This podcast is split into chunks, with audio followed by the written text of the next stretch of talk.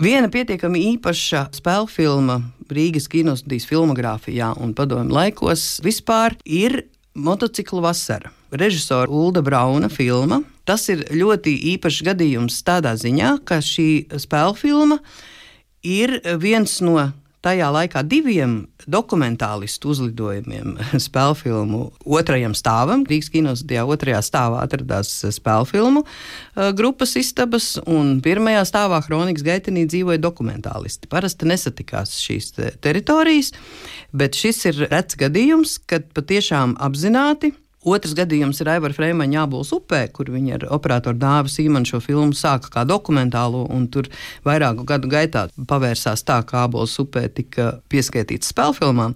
Bet šī motocikla vasara ir Uldim Braunam pilnīgi apzināta vēlēšanās veidot aktieru filmu, jo viņš tajā brīdī, tas ir tātad arī 70 uh, gadu vidus, Uldis Brauns jau kopš 61. gada bija uh, viens no Rīgas poetiskā dokumentālā kinoskolas pamatlicējiem, viens no svarīgākajiem operatoriem Latvijas dokumentālajā kino un uh, ārkārtīgi būtisks dokumentālists. Un viņam bija Maskavas kino institūta izglītība kā operatoram bet 60. Eh, gadu beigās viņš bija nolēmis, ka ir vajadzīga vēl arī režisora izglītība, un tajā laikā paralēli kino institūtam Maskavā bija tādi augstākie režisoru un scenāristu kursi, kur cilvēks ar jau iepriekšēju augstāko izglītību varēja iet papildināties un, eh, tā sakot, kļūt par režisoru.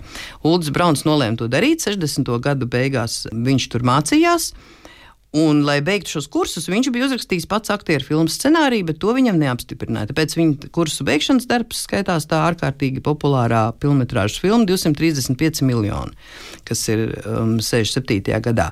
Bet Tomēr tā tad Ulrichs Brauns staigāja apkārt ar domu, ka viņš grib veidot aktieru filmu, un 70. gada sākumā parādījās tāds scenārijs, ko bija rakstījuši uh, Andris Jakubāns un Elmārs Ansons. Uh, Tā tad uh, motociklu vasara. Paši viņi teica, ka tur galvenais ir uh, leģenda par balto zirgu, ka meitene nevarot precēties, kamēr nav saskaitījusi simts baltu zirgus. Lai gan filmā nemaz tā zirgu skaitīšana tik uzkrītoša nav.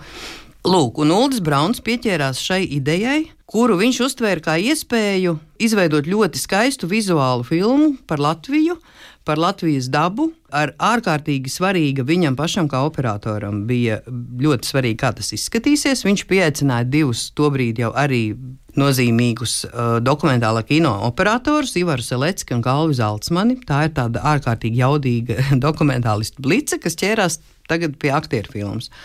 Un uh, viņi pilnīgi apzināti veidoja šo filmu melnbaltu, un nevis uz platekrāna, kurā Ulrichs Browns bija jau strādājis kopš 60. gadiem. Lai gan tajā brīdī pārsvarā jau visas filmas eh, veidoja krāsainas, bet uh, operatori prata novērtēt to melnbaltā attēlu kvalitāti, un Braunam vēl bija diezgan ilgi jāizstāv tas, kāpēc viņš grib veidot šajā it kā novecojušajā izskatā filmu, bet viņš cīnījās un pierādīja, ka arī vizuālajā mākslā taču ir grafika melnbalta un ir glezniecība, un tās ir divas pilnīgi dažādas lietas, un nevajag jau kopā.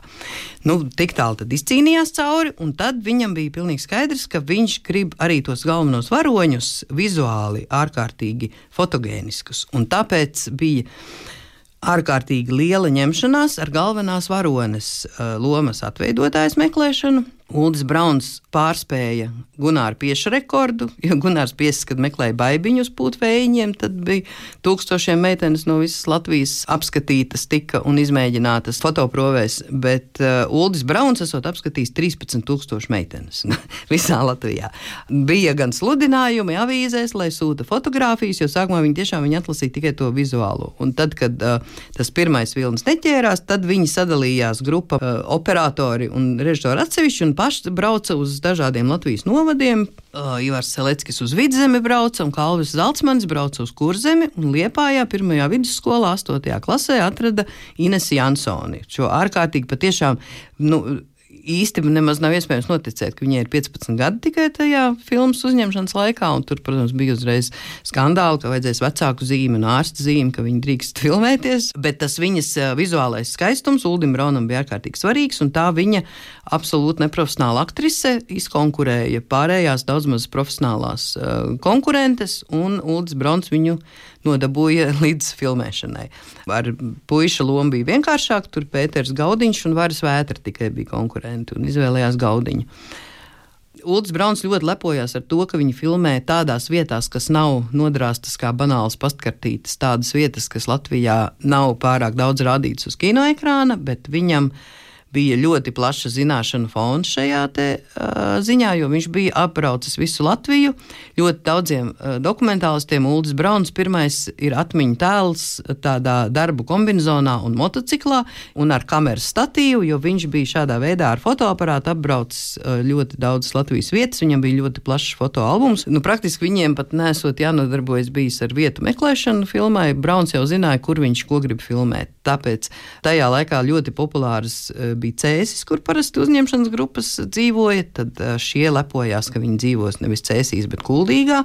Nu, jā, mēs zinām, ka kuldīga arī ir ārkārtīgi filmēta pilsēta, bet viņi ne tik daudz kuldīgā, bet tur apkārt padurē un, un dažādās apkuldīgu vietās un vēl citur. Var sakot, ļoti svarīgi viņiem likās tā filmas vizualitāte.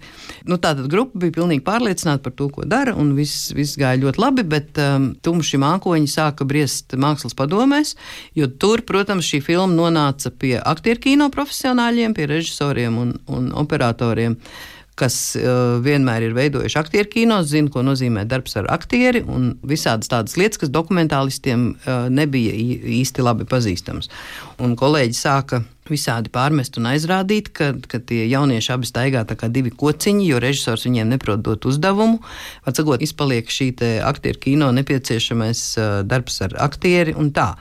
Protams, lai izkrāšņotu kaut kā to uh, bagātinātu stāstu, uh, Brauns bija arī izvēlējies dažādus tipāžus. Nu, man liekas, skaistākais un mīļākais visiem ir tas uh, viegli ierēbušais traktorists, ko spēlē Gido Kokars, diriģents kāpdams ārā no tādos laucinieku drēbēs no, no traktora kabīnes uz veikalu pēc polšiņa atbrauc. Nu, tādas uh, visādas uh, lietas tika scenārijā sapildītas, bet, protams, tā jauniešu līnija bija tāda neprofesionālu jauniešu dzīvošana kadrā vienkārši. Un galu galā filmas pieņemšanas mākslas padomēs kolēģi, protams, bija diezgan indīgi.